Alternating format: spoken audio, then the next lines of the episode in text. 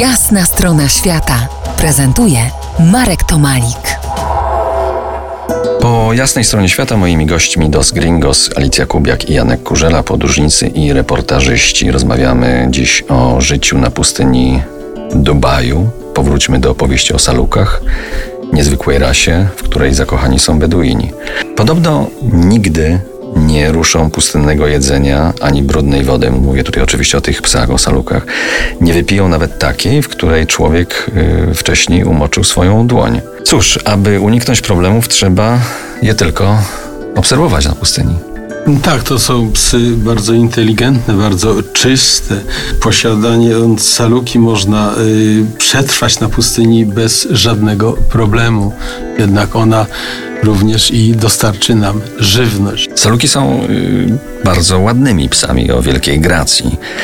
Tutaj odsyłamy wszystkich słuchaczy naszych do mm, fotografii na stronie RMF Classic. Co roku odbywają się konkursy piękności tych psów. Tak. I jury bierze pod uwagę nie tylko ich urodę. Czynnikami decydującymi są przede wszystkim zdrowie, zachowanie, kształt, zwinność, ale też przede wszystkim to, czy słuchają swojego właściciela. Jest to bardzo ważny czynnik, ponieważ y, jeśli pies ma problem ze słuchaniem, to oznacza, że ten jego pan nie jest jego właścicielem, tylko treserem, a to już jest dla nich bardzo duża różnica. Saluki rozumie się w lot ze swoim właścicielem, wystarczy tylko krótkie spojrzenie i wszystko jest jasne. Saluki, jak już wspominaliśmy, są bardzo czystymi psami, a w przeciwieństwie do innych ras hodowlanych nie mają pod skórą tkanki tłuszczowej i dzięki temu też nie wydzielają nieprzyjemnego zapachu, jaki towarzyszy innym rasom. Istnieją dwa gatunki saluk.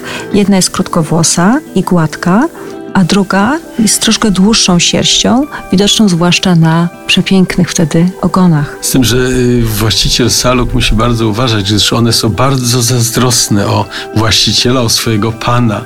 Dlatego no, w postępowaniu z tymi y, psami no, musi zwracać uwagę, żeby któregoś, prawda, tam specjalnie jednak nie sforować, a innego, prawda, hołubić. No jest to, jest to naprawdę bardzo specyficzna sprawa. W arabskich wierszach, bo bardzo dużo literatury jest właśnie poświęconej salukom, są one opisywane jako psy o głowach w kształcie węża, o szyjach kaczora, ogonach szczura i łapach kota. One mają bardzo, bardzo silne kości, jak u koni wyścigowych i są niezwykle eleganckie w ruchach. Przypomnę, moimi gośćmi byli dziś Dos Gringos, Alicja Kubiak i Janek Kurzela, dwoje białych na tropie przygody para podróżników, autorzy książek, którzy od lat pozostają zafascynowani naturą, ginącymi kulturami, choć ta, o której dziś rozmawialiśmy, nie ginie. Wszystko wskazuje, że bardzo skutecznie odradza się. Dziękuję Wam bardzo. Dziękujemy bardzo. Dziękujemy.